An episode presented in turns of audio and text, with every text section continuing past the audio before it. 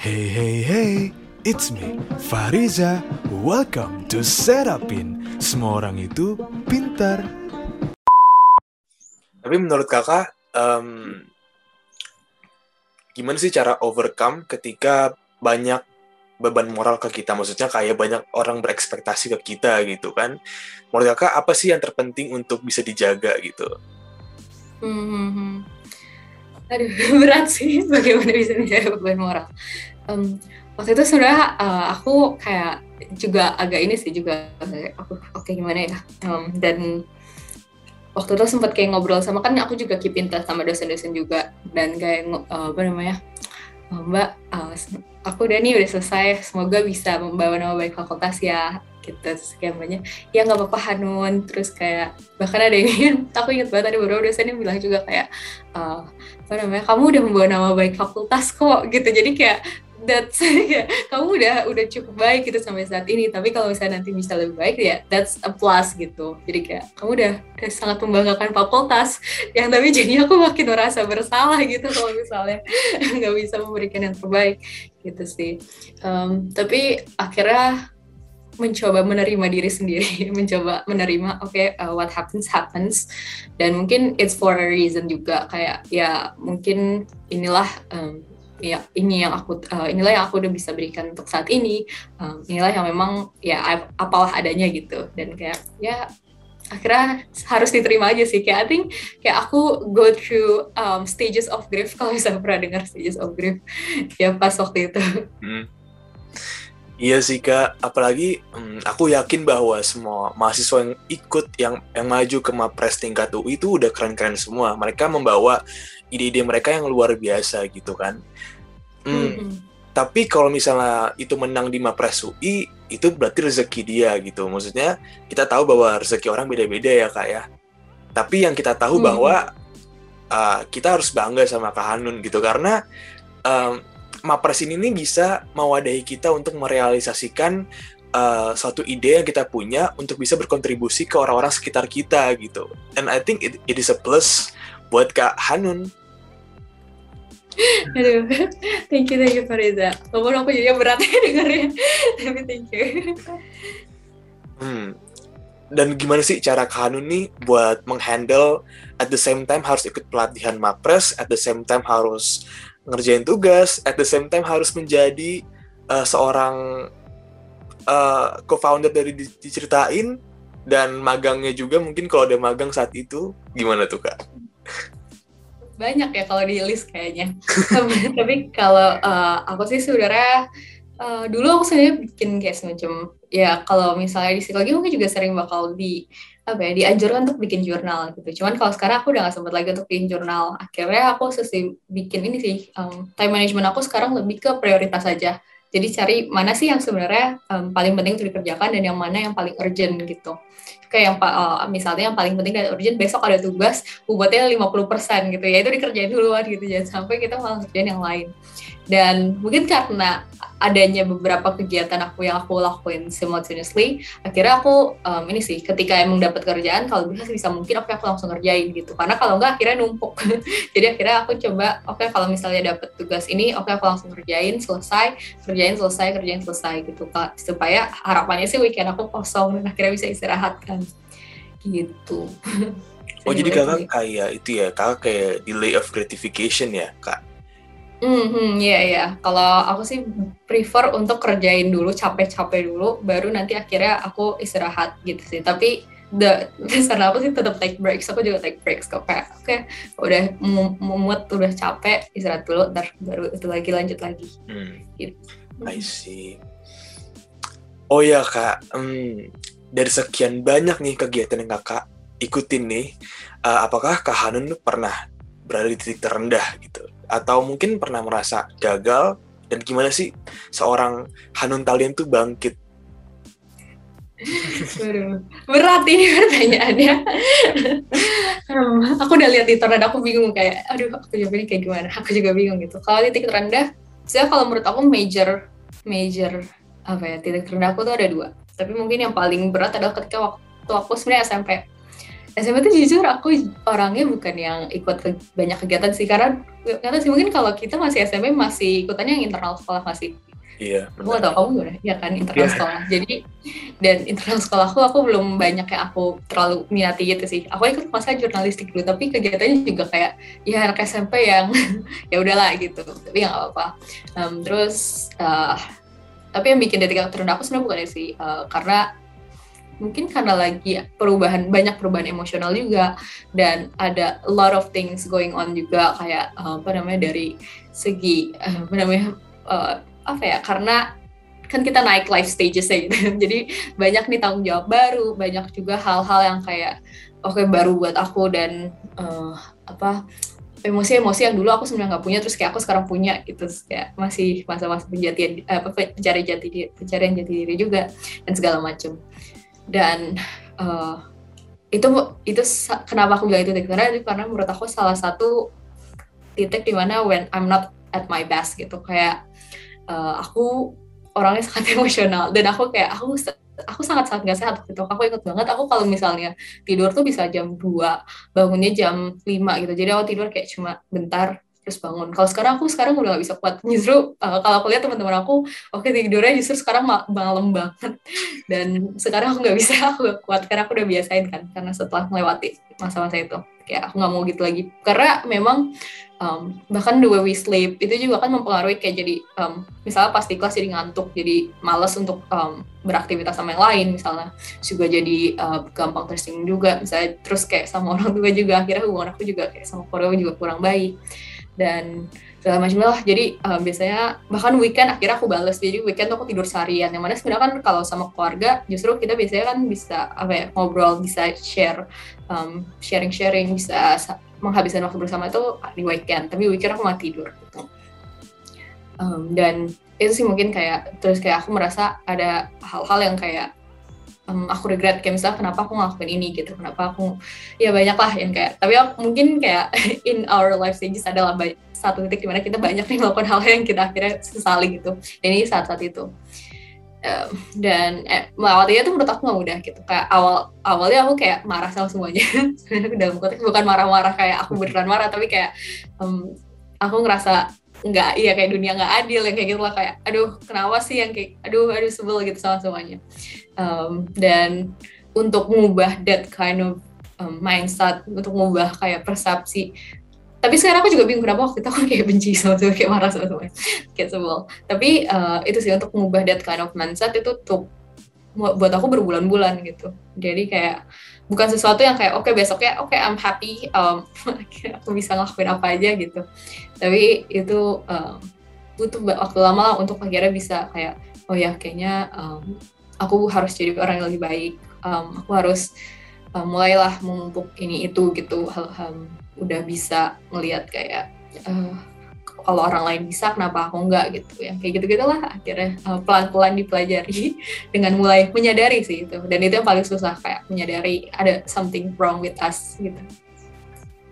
Iya sih untuk menyadari untuk uh, something wrong with us I, I think it, it takes time gitu kan nggak nggak bisa hmm. kayak langsung ada masalah datang kita langsung sadar kan nggak pasti ada butuh proses. Dan hmm. dan menjadi apa ya untuk denying ya nggak apa-apa gitu. Saya denying dulu nanti pelan-pelan kita accept those uh, circumstances gitu kan karena hmm. from my personal experiences juga kayak at that time uh, I may not at my best gitu kita mungkin nggak hmm. berada di performa terbaik kita tapi aku bersyukur dan aku uh, ya thankful and grateful juga karena aku nggak nyerah saat itu gitu uh, hmm. aku mungkin masih kayak berpikir kayak apa yang terjadi sama diri gue gitu kan.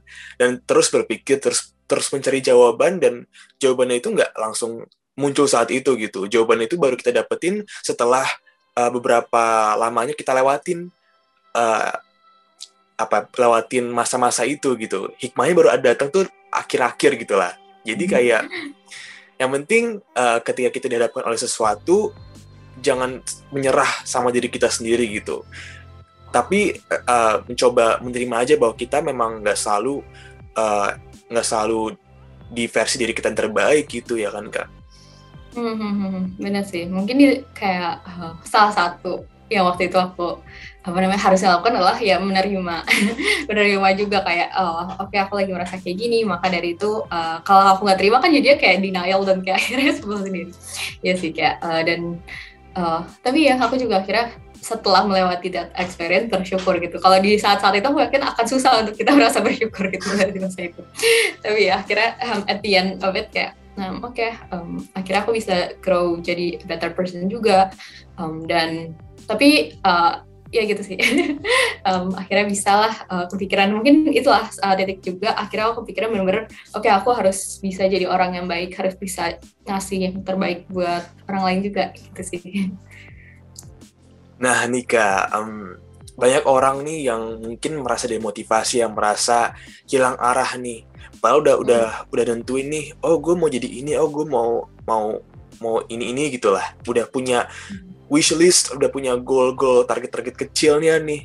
Nah, gimana sih cara Kak Hanun nih um, yakin dengan track yang kakak punya gitu? Bagaimana Kak Hanun menjaga usaha dan minat kakak agar tetap sesuai nih dengan track yang kakak jalanin ini? Hmm, uh, sebenarnya kalau aku kalau dengar bukan dengar sih kalau misalnya aku nanya ini ke pembicara itu disuruh a lot of planning gitu. Dan ya sudah bisa aja dilakukan untuk kayak oke okay, tujuan kita ini terus kita kayak bikin apa sih namanya diagram oke okay, untuk mencapai ini aku butuh apa aja terus um, oke okay, butuh ini butuh ini nanti aku berarti oke okay, kalau gitu yang aku kejar adalah ini ini ini gitu. Dan Um, tapi kalau buat aku sendiri itu sesuatu yang ya ini bakal kalau misalnya pun aku bikin plan ya sempat sih waktu itu kan adalah yang tugas-tugas yang kayak gitu. Oke okay, tujuan mau apa dan bagaimana mencapainya kan sempat bikin gitu. Tapi menurut aku that kind of plan um, rencana-rencana kayak gitu pasti akan ada perubahan-perubahan lah seiring kita akhirnya nanti berkembang. Seiring nanti kita membuka beberapa pintu uh, opportunity atau malah menutup beberapa pintu opportunity sesuai apa yang kita pilih gitu.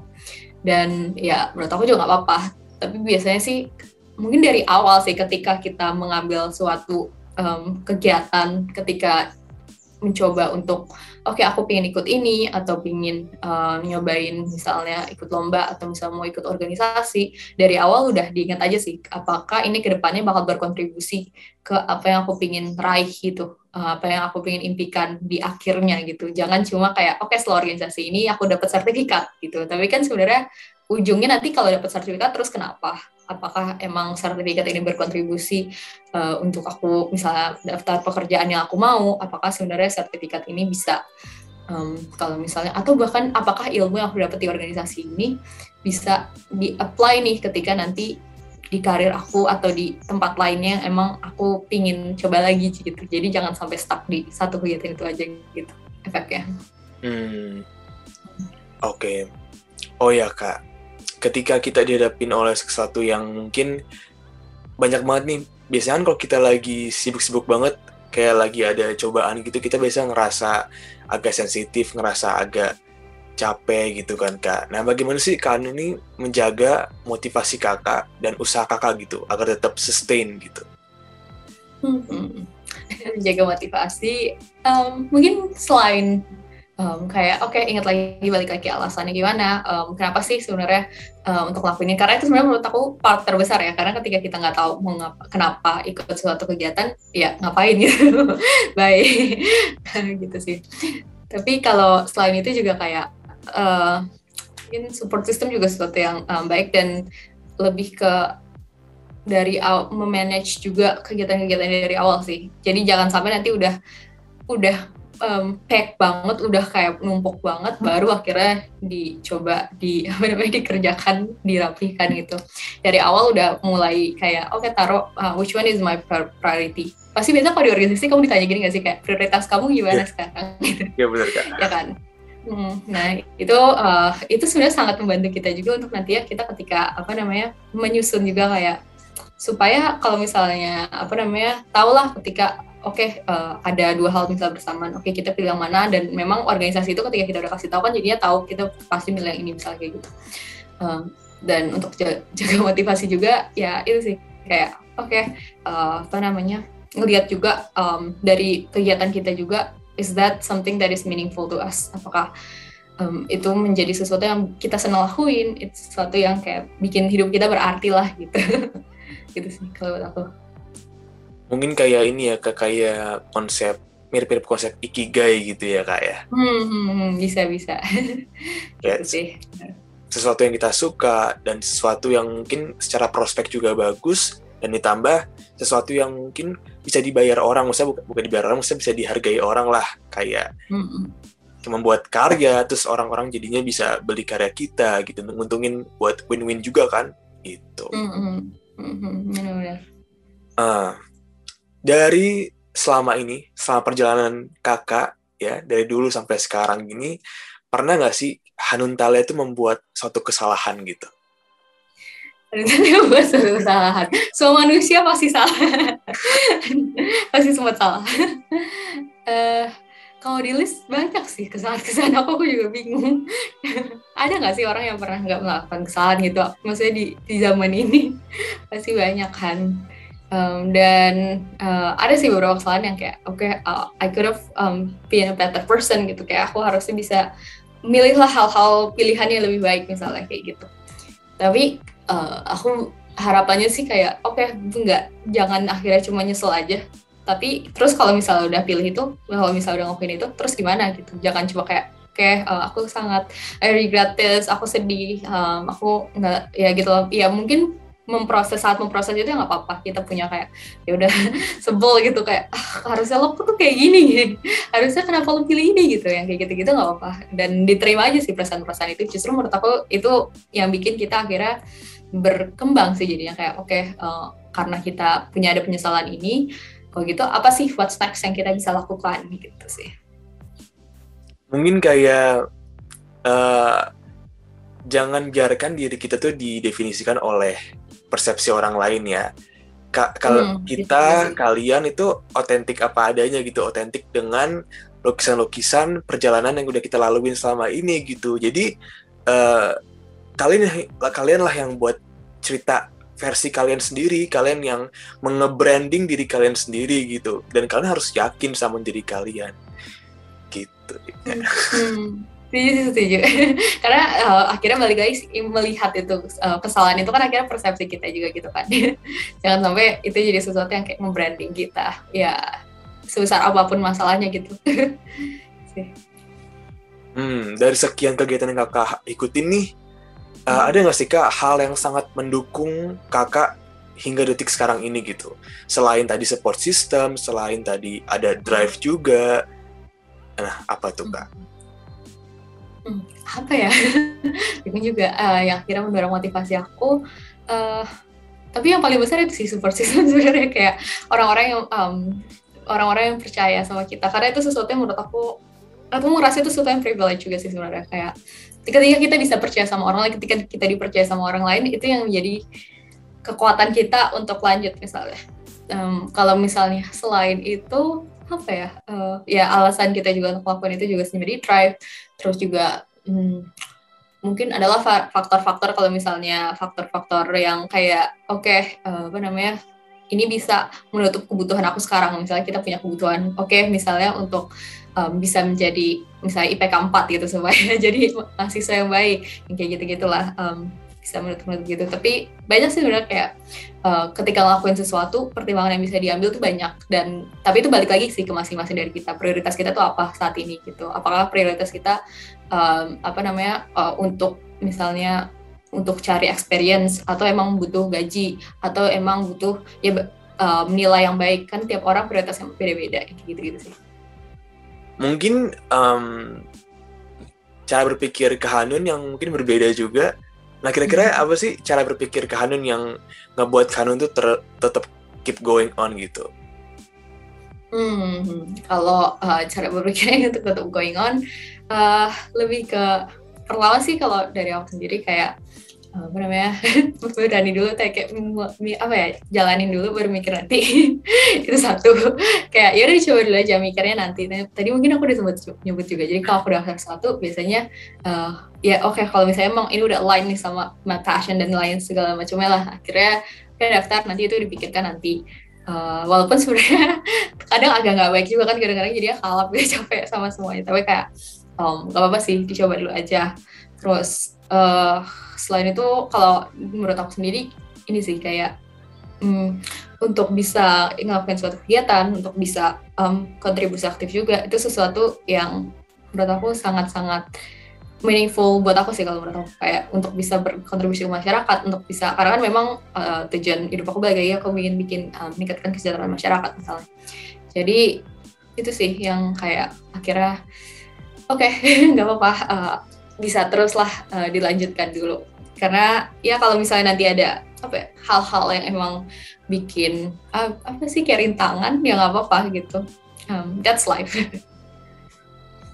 oh ya kak tadi kalau sempat nyebutin bahwa support system memiliki dampak yang cukup besar ya sama diri kita ya kak. Tapi gimana hmm. sih kak cara kita cara kita tetap maju, tetap bangkit dan bahkan punya persep punya cara berpikir bahwa oh ini hidup yang gue tentuin diri gue sendiri gitu bukan orang lain gitu. Ketika kondisinya hmm. uh, mereka nggak punya support system kak, mereka kayak mungkin ya tim piatu atau orang tuanya mungkin ya berbeda dari orang tua yang pada umumnya gitu kak Hmm, hmm, ya sih. Um, apa namanya? Aku udah super system yang baik juga saya waktu kul um, kuliah juga. Maksudnya kayak benar-benar um, oke okay, ini sesuatu yang kuat gitu. Karena mungkin di psikologi tuh ya balik lagi orang psikologi itu sangat super bahas apa ya sangat afeksi gitu. Jadi aku sangat alhamdulillah di sini. Um, tapi uh, kalau misalnya ingat waktu-waktu sebelumnya gitu, waktu-waktu bahkan waktu ketika aku di titik terendah aku yang merasa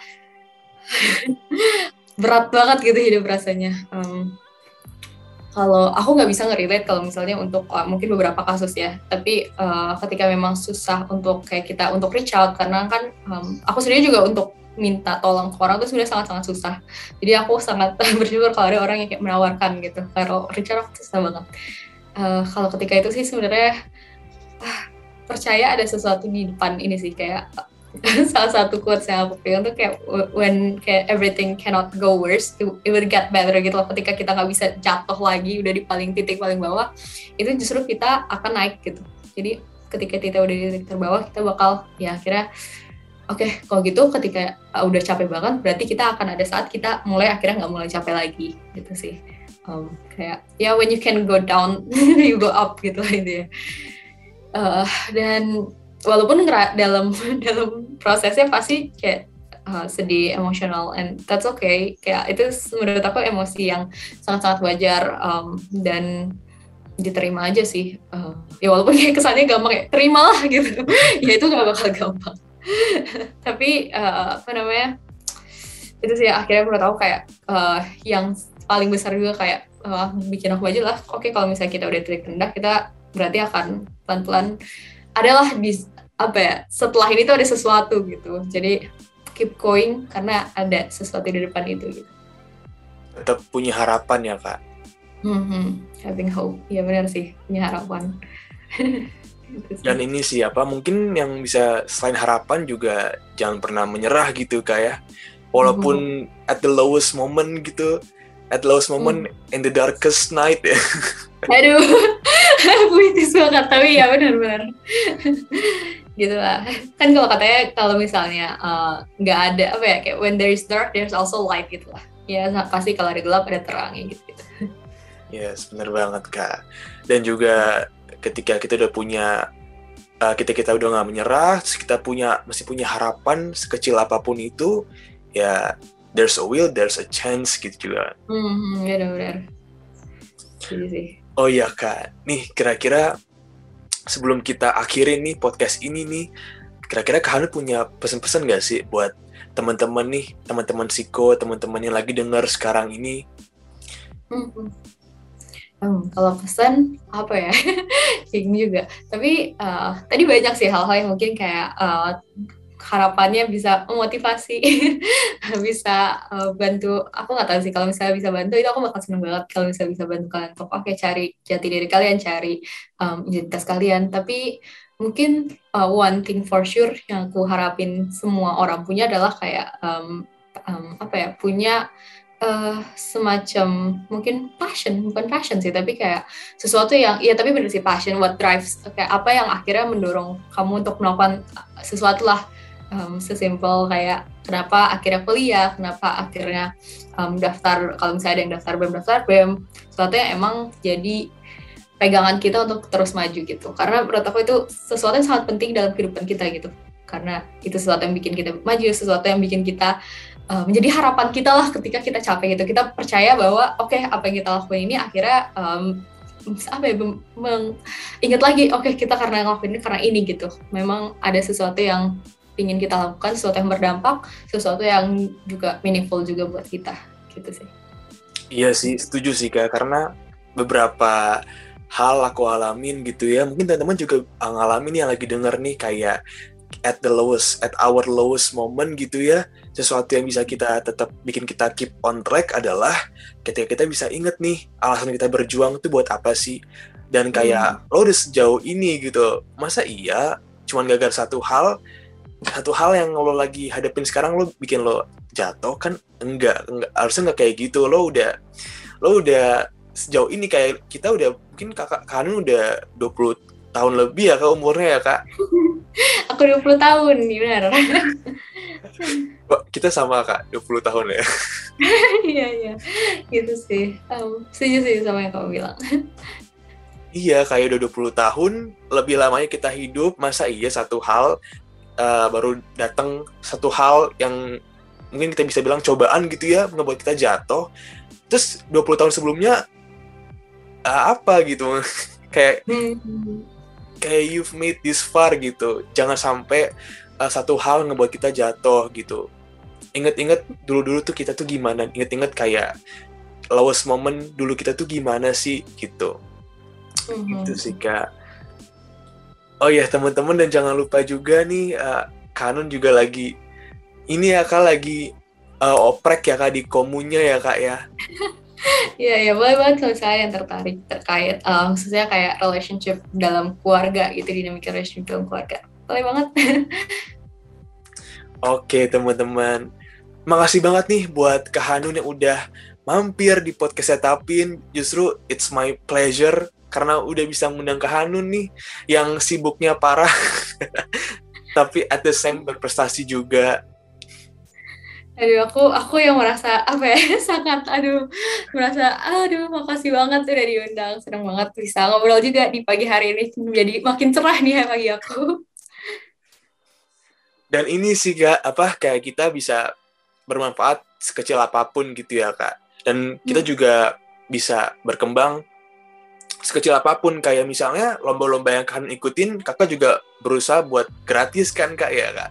Kayak benar-benar banyak lomba gratis sekarang teman-teman. Jadi kalau ngelihat kalau konferensi kadang bisa satu juta ada yang gratis kok. Benar jadi kayak nggak ada alasan untuk kita nggak berkembang dan nggak ada alasan untuk kita nggak bisa mengembangkan potensi yang kita punya gitu. Dan cari apa sih yang yang uh, what you're passionate about gitu kan ibaratnya. Mm-hmm. Oke, okay. uh, terima kasih teman-teman yang udah denger Makasih juga buat Kehanun dan see you in the next episodes dan sampai jumpa. Sampai jumpa.